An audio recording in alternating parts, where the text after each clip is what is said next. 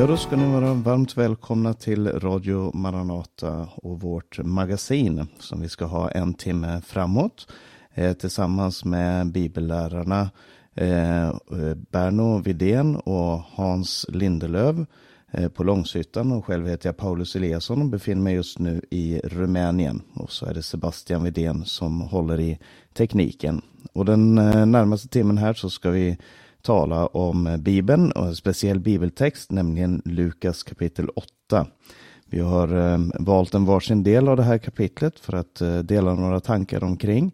Eh, och vi har gjort det nu de sista veckorna också, där vi har eh, talat ifrån Lukas evangelium. Och vi ska börja med att läsa Lukas kapitel 8 från den fjärde versen. De första tre verserna handlar om de kvinnorna som eh, följde Jesus. Och så ska vi börja med att läsa ifrån vers 4 där det står När mycket folk samlades och man kom ut till honom från stad efter stad då talade han till dem en liknelse. En såningsman gick ut för att så sitt utsäde. När han sådde föll en del vid vägen och trampades ner och himlens fåglar åt upp det. En del föll på stenig mark och när det växte upp vissnade det bort för det fick ingen frukt. En del föll bland tistlar och tistlarna växte upp samtidigt och kvävde det. Men en del föll i god jord och när det växte upp och gav hundrafall och det växte upp och gav hundrafaldig skörd. Eh, när han hade sagt detta ropade han Hör, du som har öron att höra med. Hans lärjungar frågade honom sedan vad liknelsen betydde. Han svarade, ni har fått nåden att förstå Guds rikes hemligheter, men de andra får dem i liknelser, för att de ska se och ändå inte se, höra och ändå inte förstå. Här är liknelsens mening. Säden är Guds ord. Det vid vägen är de som hör ordet, men sedan kommer djävulen och tar bort ur deras hjärtan så att de inte kan tro och blir frälsta. De på stenig mark är de som tar emot ordet med glädje när de hör det, men de saknar rot. De tror bara för en tid och i frestelsens stund kommer de på fall. Det som föll bland tistlar är de som hör ordet, men som alltmer kvävs av livets bekymmer, rikedom och njutningar och aldrig bär mogen frukt. Men det som föll i god jord är de som hör ordet och tar vara på det i ett gott och uppriktigt hjärta och uthålligt bär frukt. Det är eh, bibeltexten och jag ska börja med att säga någonting om eh, just den här texten. Därför att eh, det det handlar om är Guds ord och hur Guds ord blir mottaget. Det här är en text som också som vi också möter i Matteus evangelium och där sätts den i den kontext där i kapitlen innan så är det flera olika människor som har reagerat olika på budskapet. Och vi såg det också eh, förra gången i, i kapitel 7 så var det människor som blev helade, människor som blev berörda. Det var en del som stod emot budskapet och det var eh, andra som till exempel Johannes döparen som var väldigt undrande inför vem Jesus är. Och ehm, Det verkar som att Jesus i den här liknelsen försöker förklara för sina lärjungar och människor omkring sig vad beror det här på att det finns så många olika sätt som Guds ord tas emot. Och han förklarar det med fyra olika jordmåner, fyra olika eh, typer jord eller platser i jorden som det här ordet kan eh, falla ner på. Och eh, det, eh, det han börjar med att säga är att det finns en motståndare som är aktiv. Djävulen är aktiv och han eh, säger så här att han tar bort det, det som föll, fall vid, föll vid vägen, säger han, är de som hör ordet. Men eh, sedan kommer djävulen och tar bort det ur deras hjärtan så att de inte kan tro och bli frälsta. Det här är alltså djävulen här, här i liknelsen förebildat vid de här fåglarna som kommer till den steniga marken. Eh, och han tar bort det ifrån hjärtat, säger han. Alltså inte ifrån hjärnan, inte ifrån eh, tankevärlden, men han tar bort det ifrån eh, det stället där vi verkligen tar emot. Där det, är, det är som att Jesus vill säga att det är först när ordet ger mening som det kan frälsa en människa. Han tar bort det ur deras hjärtan så att de inte kan tro och bli frälsta. Eh, för att det, det, är bara när man sätter sin tro till ordet som ordet blir verksamt. Och människor kan höra eh, bibelord i långa, långa tider under många, många år eh, och aldrig förstå vad det faktiskt handlar om. Därför att det inte har sjunkit ner. Bibeln talar om att ordet blir sammansmält med en människa. Det blir sammansmält med dem som hör det. Och det är en, eh, Eh, det är en väldigt viktig eh, eh, sak i, i det att, att komma i kontakt med Guds ord. Och, så han, och Jakob i sitt första brev, han talar om det här också, i sitt första brev, i första kapitlet i sitt brev, så säger han, om någon är ordets hörare, men inte dess görare, så liknar han en man som ser sitt ansikte i en spegel. Och när han har sett sig själv och gått sin väg glömmer han genast hur han såg ut. Och det är lite samma sak med de här som då hör ordet, men det sammansmälter inte med dem. Och jag tror att många, många människor har upplevt att de har gått på möte efter möte, hört ordet förkunnas, kanske till och med läst Bibeln och, och eh, umgåtts med kristna. Men, men det här ordet har inte blivit sammansmält med dem i tro. Och därför så kan de inte tro på det eh, och bli frälsta. Eh, i, I eh, Matteus kapitel 13, i parallellstället till det här, så står det, eh, så säger Jesus så här, när någon hör ordet om riket men inte förstår det, då kommer den onde och rycker bort det som såddes i hans hjärta. Detta är sådden vid vägen. Eh, det andra som han nämner är frestelser och prövningar. Eh, han säger så här, det som föll på stenig mark är de som tar emot ordet med glädje när de hör det, men de saknar rot. De tror bara för en tid och i frestelsens stund kommer de på fall. Och eh, glädje som han nämner här, det är en väldigt ytlig känsla, eller det, det, är, en, det är en väldigt tydlig känsla, men, men det är en känsla som kan försvinna väldigt fort också. Eh, och jag får, om jag ska säga någonting personligt så har jag upplevt det här i det som vi har upplevt i Rumänien under de sista eh, tio åren. Så, så eh, kom vi till en ny plats där det var väldigt få församlingar och de få församlingar som var där var inte speciellt engagerade i evangelisation och att nå de allra fattigaste. Så när vi startade en församling där så kom det otroligt många av de här fattiga syskonen. Det var, kunde vara 300 personer på ett möte ibland. Kanske överdriver lite, men säg två, i alla fall 200 personer. Vi tryckte in oss i den här lilla lokalen. Efter ett tag fick vi bygga en större lokal. Eh, och det var en väldigt, väldigt glädje i, i Gud, en väldig glädje i, i församlingen. Det var många som blev döpta. Och det vi har upplevt under de senare åren är just den här processen eh, som, som står här, att några hör ordet, men djävulen har tagit bort det ur deras hjärta så att de inte tror, tror på det. Eh, de förstår det inte. Andra har tagit emot ordet med stor glädje, men de saknar rot. Och det är just det här som är problemet. Och, eh, I Gamla Testamentet så säger Hosea till, till eh, eh Efraim, som är en bild på Israel. Han säger, vad ska jag göra med dig Efraim, står det i Hosea kapitel 6, vers 4. Vad ska jag göra med dig Juda? Er kärlek är som morgondiset, som dagg som fort försvinner.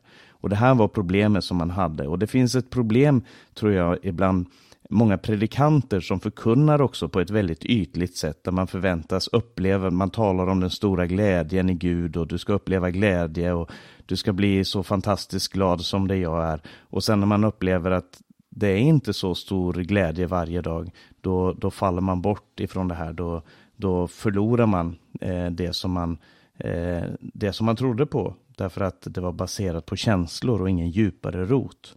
Eh, i Ordspråksboken kapitel 12 så står det ett ordspråk som säger så här.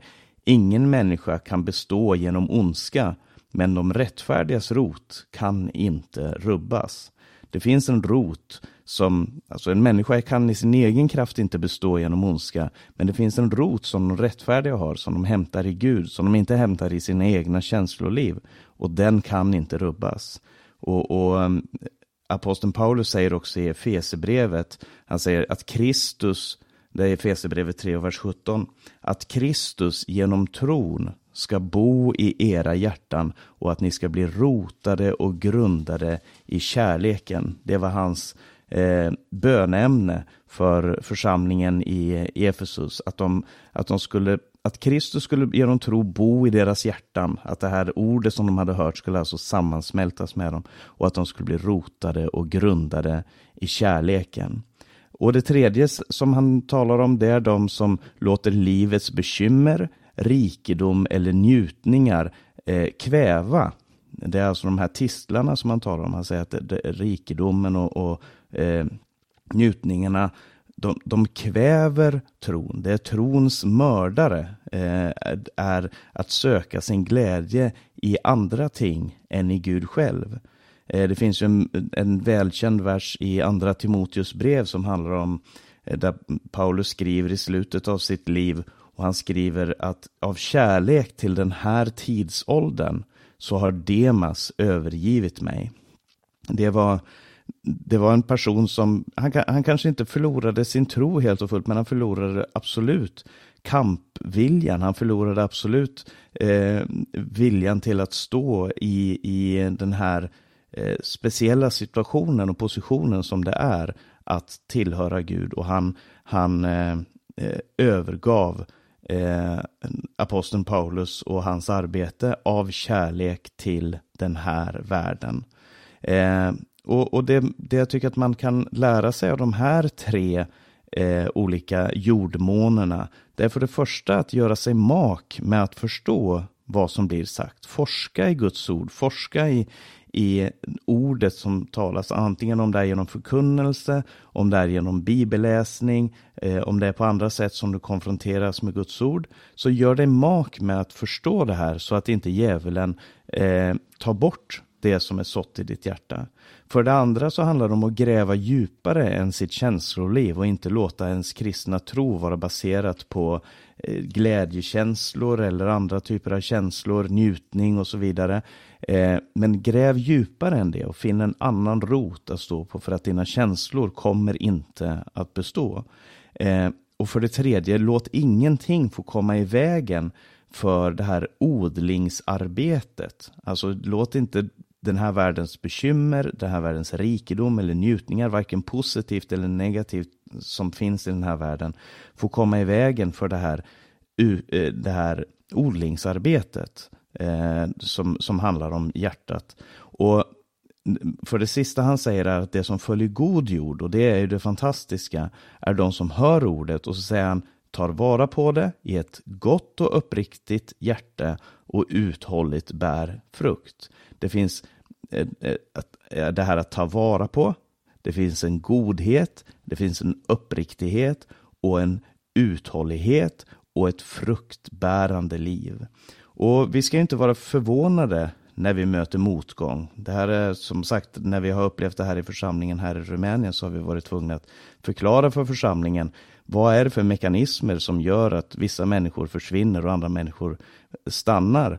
Och då har vi tagit den här texten som utgångspunkt. Vi ska inte bli förvånade när vi möter motgång. Vi ska inte bli förvånade när människor inte tar emot. Men vi kämpar en kamp som handlar om en kamp mot djävulen, mot ytligheten och mot världsligheten. Det är det som är motståndskraften mot Guds ord. Men det finns också en, en eh, god jord som det här kan falla i. Amen. Det var mina eh, tankar om den här texten och kanske eh, Hans, har du först några, eh, någonting du vill säga om den här texten också? Ja, när jag funderar på den här texten då och ser hur, hur det här, den här verksamheten att eh, så, alltså, eller helt enkelt predika kan, eh, kan utgestaltas i fyra olika kvaliteter. Jag har tänkt på det förtärda ordet i det första exemplet. Det förbrända ordet i det andra exemplet.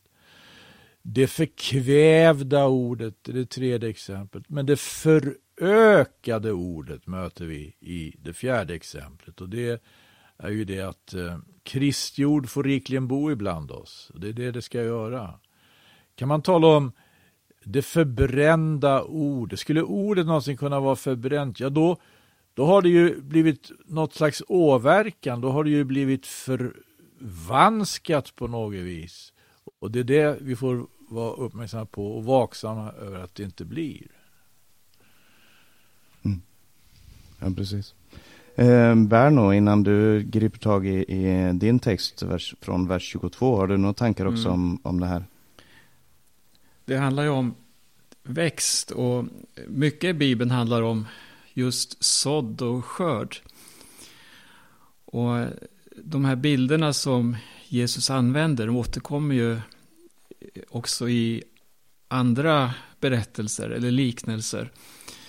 I Matteus 13 så talas det också om fåglarna. Här läste du hur fåglarna åt upp utsädet.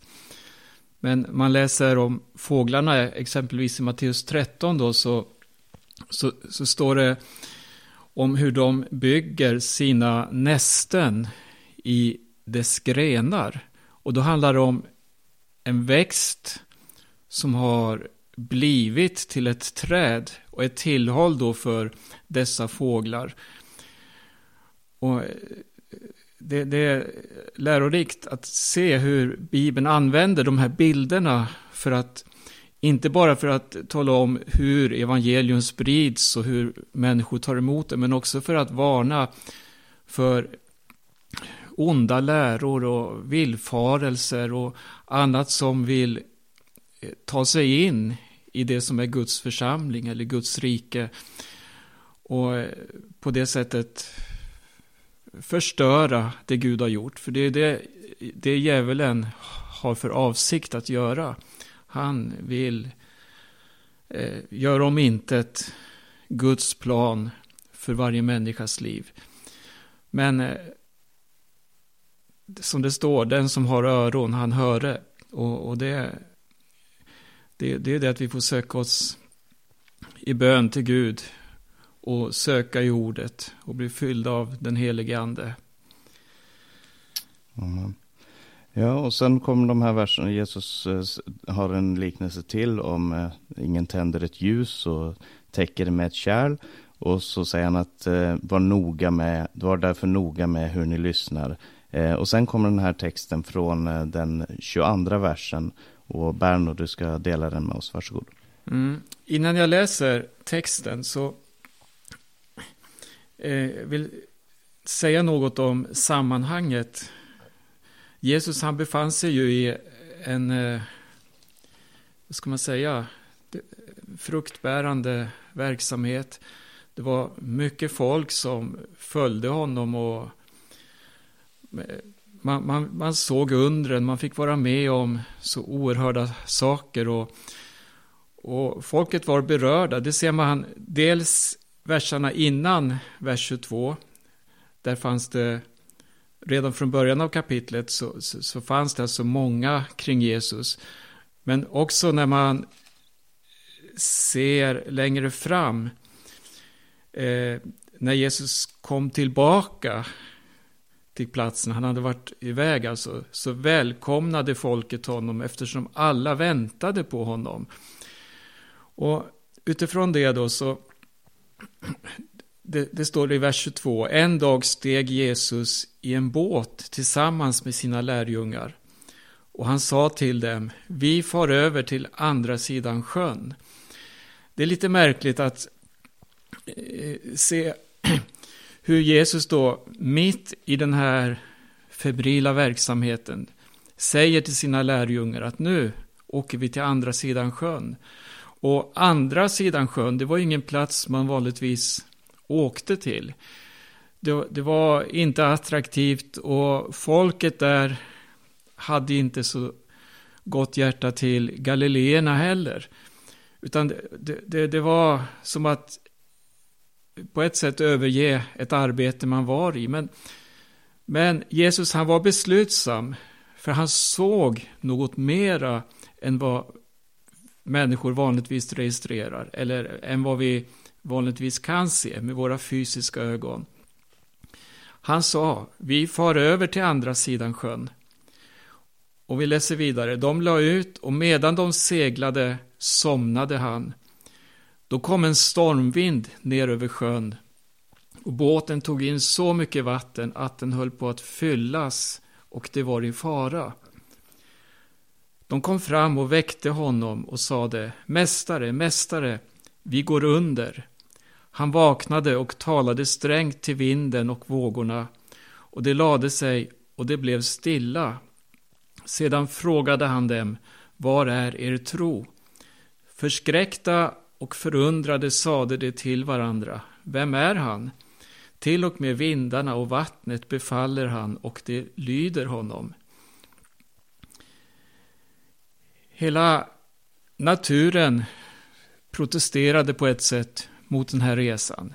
Eller försökte omintetgöra att Jesus skulle över på andra sidan. Vad var det som väntade där på andra sidan? Vad var det som var så viktigt? Så att Jesus till och med kunde lämna den här verksamheten han befann sig i, alla dessa människor. Då läser vi vidare. De seglade in till Gerasenernas område som ligger mitt emot Galileen. När Jesus steg i land möttes han av en man från staden. Han var besatt av onda andar och hade inte haft kläder på sig på länge.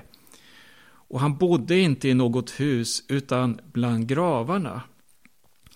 Här har vi alltså den eh, kommitté, eller de som tog emot Jesus, en plågad, sargad människa som var utstött från eh, platsen där han hade bott och från de människor han hade omgetts med.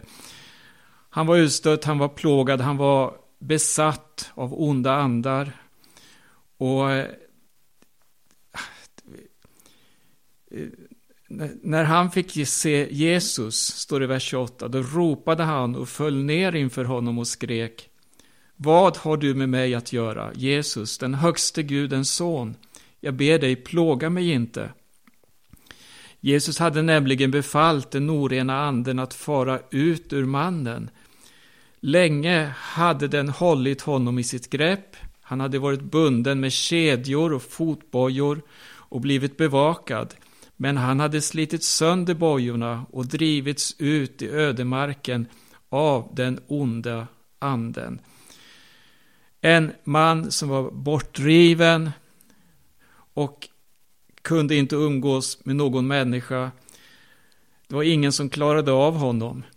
Och när man läser det här sammanhanget och ser hur Jesus från Galileen far över sjön, passerar en storm, alltså allt motstånd, för att komma fram till denna stackars enda människa. Och, och, och då tänker jag, vilken omsorg, vilken kärlek Jesus visar. Vilket värde han ger till den mest föraktade, den mest förlorade människan. Vi läser vidare. Jesus frågade honom, vad är ditt namn? Han svarade, Legion, för det var många onda andar som hade kommit in i honom. Och det bad Jesus att han inte skulle befalla dem att fara ner i avgrunden. Nu gick där en stor svinjord och betade på berget. Och de onda andarna bad att han skulle låta dem fara in i svinen. Det tillät han. Andarna for ut ur mannen och in i svinen och jorden rusade utför branten ner i sjön och drunknade. I ett parallellställe så står det att det handlar om så mycket som 2000 svin när herdarna såg vad som hade hänt flydde de och berättade om det inne i staden och ute på landet. Vi stannar lite till här först innan jag läser vidare. Eh, den här mannen, han blev ju befriad då och en hel flock, en hel svinjord, ett stort ekonomiskt värde gick förlorat så ser många och värderar många mellan ett människoliv och materiella värden. Men här ser vi hur Jesus, han ser att den här människan är värd så oerhört mycket mer än dessa svin. Jesus han kom ju för att frälsa. Han kom för att återge en förlorad mänsklighet ett värde som har gått förlorat. Och Jesus han, han var beredd att betala ett så högt pris för att frälsa en enda människa. Folk gick ut för att se vad som hade hänt. De kom till Jesus och fann mannen som andarna hade lämnat sitta vid Jesu fötter, klädd och vid sina sinnen. Då står det att de blev rädda. Och det är också märkligt. Den här mannen som de visste var så plågad, utstött, lidande. Skulle de inte bli glada nu och se han sitter här helt förvandlad. Med ett sinne, med kläder och ren och samtalar med Jesus. Nej, de blev rädda. De som var ögonvittnen berättade för dem hur den besatte hade blivit frisk. Och allt folket från Gerasenernas område bad då att Jesus skulle lämna dem, för de hade gripits av stark fruktan. Han steg i båten och vände tillbaka. Hela den här resan, den här trapatsrika resan, allt slit och alla faror de genomgick, det var för att frälsa och rädda en enda människa. Och det tycker jag är så oerhört stort. Jag tänker på eh, en annan händelse när Filippus befann sig i Samaria.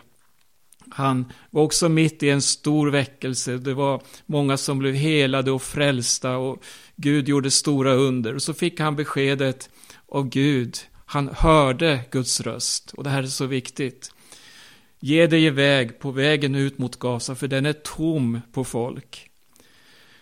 Då började inte Filippus att eh, ifrågasätta, men titta här, jag kan ju inte lämna det här arbetet, utan han hörde och förstod, det är Guds ande som leder mig ut på den vägen, för där finns en människa. Och det ledde till att en etiopisk hovman som bar på sin längtan efter att möta Jesus fick höra evangelium. Och på det här sättet Eh, får vi ta lärdom också av den här texten och, och inte stirra oss blinda på verksamheter, på det som anses vara stort eller litet, utan lära oss att höra de människors rop som stiger upp till Gud, så att Guds ande får leda oss till dessa människor. Amen. Amen. Amen. Tack ska du ha för de orden. Och när jag läser den här texten så, så tänker jag på att det, det är så ofta som Jesus kommer till de här, eh, eh, inte bara till utsatta människor, för det gör han alltid, men, men att han är liksom i utkanten av, av området. Det är som att han längtar efter det som vi senare ska få se i Apostlagärningarna, att budskapet når ut till människor ifrån hela, ifrån hela jorden. Här sägs det att han drog över till andra sidan sjön, precis som du sa. Varför, varför skulle han bort, ända bort dit för att och, och vara där? Och sen så sägs det att han, eh, han, i Johannes evangelium så sägs det att han drog genom Samarien för att han var tvungen att ta den vägen. Och rent geografiskt så var han inte alls tvungen att ta den vägen. Men han var tvungen att ta den vägen. Eh, en annan gång så drar han Eh, Eh, upp, när han är uppe vid Caesarea Filippi och möt, han eh, är liksom ute vid Israels gränstrakter och möter den kanani, kananitiska kvinnan där. Eh, och, och, mm, han säger också själv, vi har många andra får eh, som, som ska föras in i den här follan. Och det, eh, eh Jesus demonstrerar verkligen hur han längtar efter att, det här, att det här budskapet ska nå ut till hela världen och att hela världen ska bli frälst genom honom. Och det, eh, jag tycker det är stort det här att, att Jesus alltid är i, i gränslandet. Han är i gränslandet socialt också. Han, han når dem som inga andra bryr sig om, de som är på utkanten. Men han är i gränslanden so, eh, eh, geografiskt också, flytt, kommer till Gergasenas område, Sidon och eh, Samarien och så vidare. För att visa att budskapet har en sån explosiv eh, kraft. Käre Gud. Eh, Hans, innan du tar, tar med oss in i den sista texten härifrån vers 40, har du några tankar om, om den här berättelsen också? Det illustrerar ju det här som han säger i Lukas 19 kapitlet. Människosonen har kommit för att uppsöka och frälsa det som var förlorat. Ja, precis. Ja, och nu ska du få dela med oss eh, ordet härifrån vers 40 om Jesus som möter eh, eh, i mötet med Jairus, hans dotter och kvinnan med blodgång. Varsågod Hans. Ja, jag läser från vers 40 då. Ja. När Jesus kom tillbaka mottogs han av folket, för alla väntade på honom. Då kom där en man vid namn Jairus, som var föreståndare för synagogan. Denne föll ned för Jesu fötter och bad honom att han skulle komma till hans hus. Han hade ett enda barn, en dotter som var ungefär tolv år gammal som låg för döden. Men under det att han var på väg dit trängde folket hårt på honom. Nu var där en kvinna som hade haft blodgång i tolv år och icke hade kunnat botas av någon. Hon närmade sig honom bakifrån och rörde vid hörntofsen på hans mantel och strax stannade hennes blodgång. Men Jesus frågade vem var det som rörde vid mig? Då alla nekade till att ha gjort det sa Petrus, Mästare, hela folkhopen trycker och tränger ju dig. Men Jesus sa, det var någon som rörde vid mig, för jag kände att kraft gick ut från mig.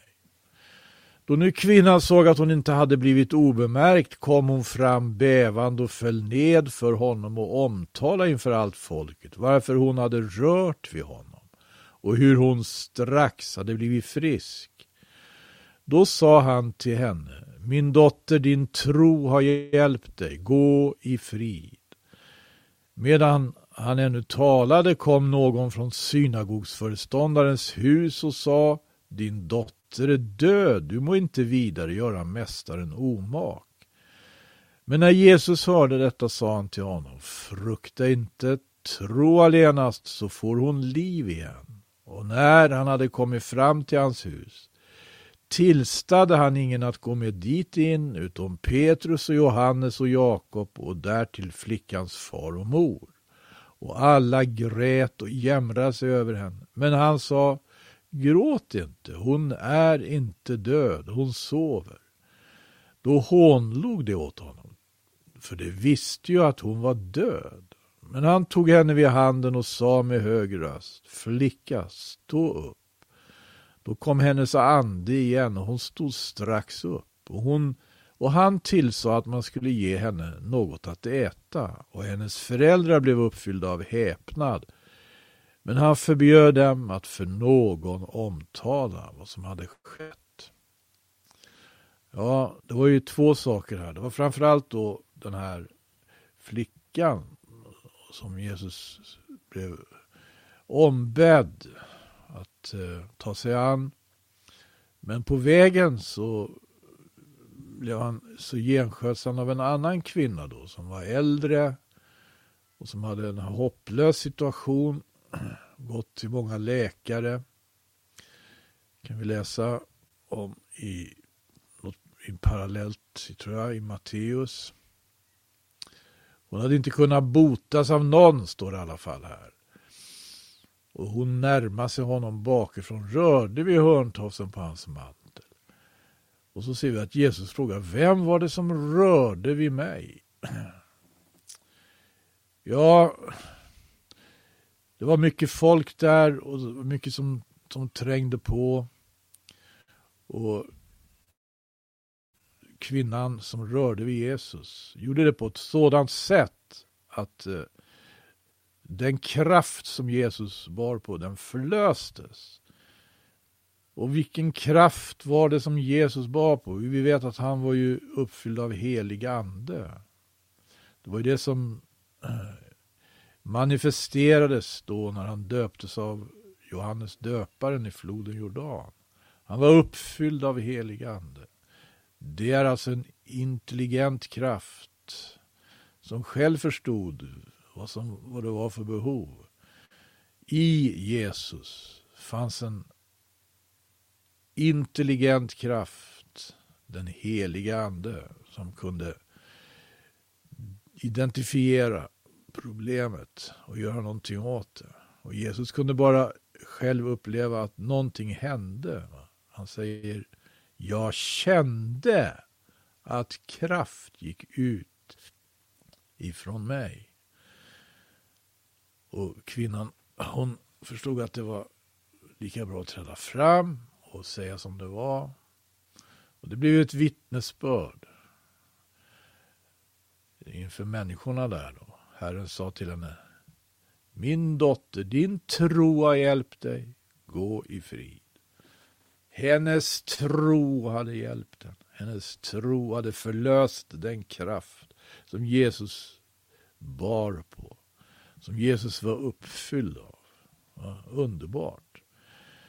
Men så fortsätter han då och nu är det så att eh, den här situationen som han först fick höra om att det var en flicka som var sjuk. Den hade ju förändrats nu radikalt. Därför var flickan inte längre sjuk, fick han veta av några. Din dotter är död, sa man till synagogsföreståndaren som gick där med Jesus. Din dotter är död, besvära inte mästaren numera.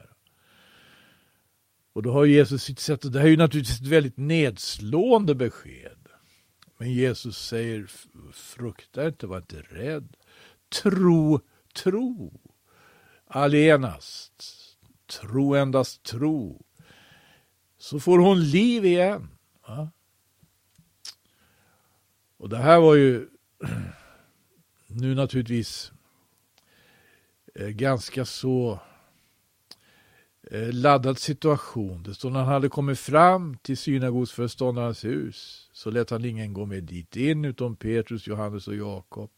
De fick följa med de här tre i vissa situationer som inga andra fick. Det här var en sån situation. Och så fick flickans far och mor då, pappa och mamma följa med och alla grät och jämnades över henne. Men han sa gråt inte, hon är inte död, hon sover. Intressant att se hur Jesus tar det här då, beskedet att hon är död. Men i 53 versen läser vi, då hånlog det åt honom, ty det visste ju att hon var död. Ja, det här är ju faktiskt också ett exempel på den verkligen, eh, ska vi säga, på, på det här märkliga spänningsförhållandet mellan liv och kunskap som människ, män, hela, mänsklighetens historia ända in i våra dagar på något vis är präglad av spänningsförhållandet, motsägsättningen mellan liv och kunskap. Man visste ju så väl, man visste ju att hon var död, det visste ju. Va? Det var så säkert, så säkert. Jag eh, tänker när jag läser det här så tänker jag på aposteln Petrus också, som det står om i Apostlagärningarnas tolfte kapitel, att han, han var ju fängslad. Och när han satt i fängelse fick vara med om något underbart. En Guds ängel kom och rörde vid honom och kedjorna föll av och han kunde inte fatta vad som hände. Han trodde det var en dröm. Men när han väl hade kommit ut då, när ängeln hade lett honom ut ur fängelset, då, då står det att han kom till sig, står det i Apostlagärningarnas tolfte eh, kapitel och vers 11. Nu vet jag, sa han, och är förvissad om att Herren har utsett sin äng, utsänt sin ängel och räddat mig ur Herodes hand och undan allt det som det judiska folket hade väntat sig. Folket, vad hade de väntat sig? Allt var så säkert, han satt i fängelse, han skulle också avrättas. Eh, förmodligen som Jakob då, Johannes bror, blev avrättad.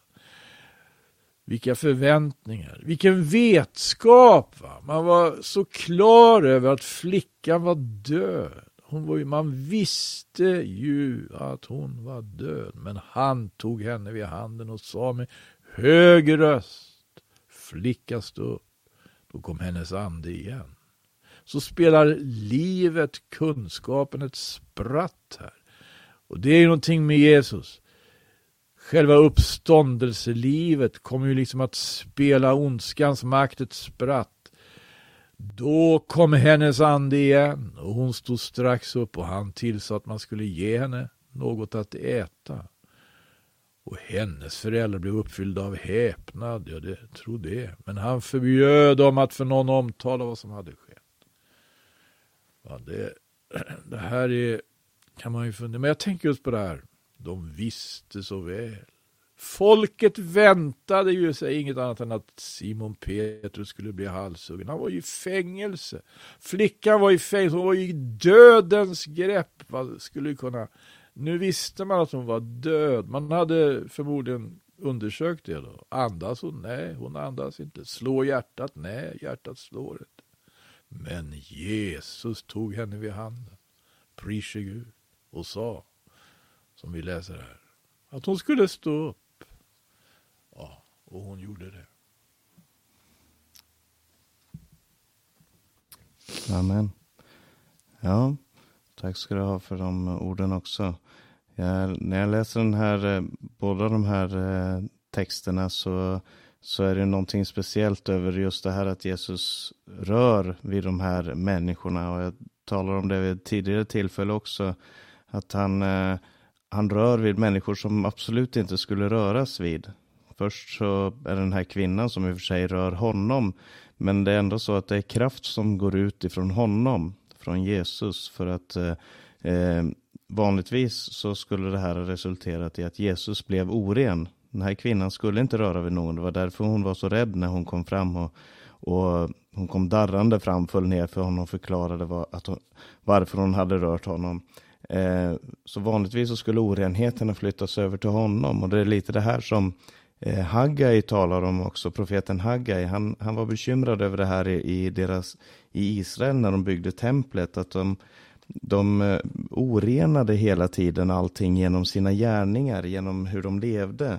Och det verket som de gjorde blev inte välsignat just därför att de, de hade orena tankar och orena handlingar hela tiden när, medan de jobbade på Guds verk. Och det, det förorenade, rituellt förorenade eh, det som Gud önskade göra. Och det, det var liksom någonting som profeten fick konfrontera dem med. Att de, samtidigt som de sa att de bekände sig till Gud så, så, var de, så orenade de Herrens eh, Eh, tempel och Herrens gärning.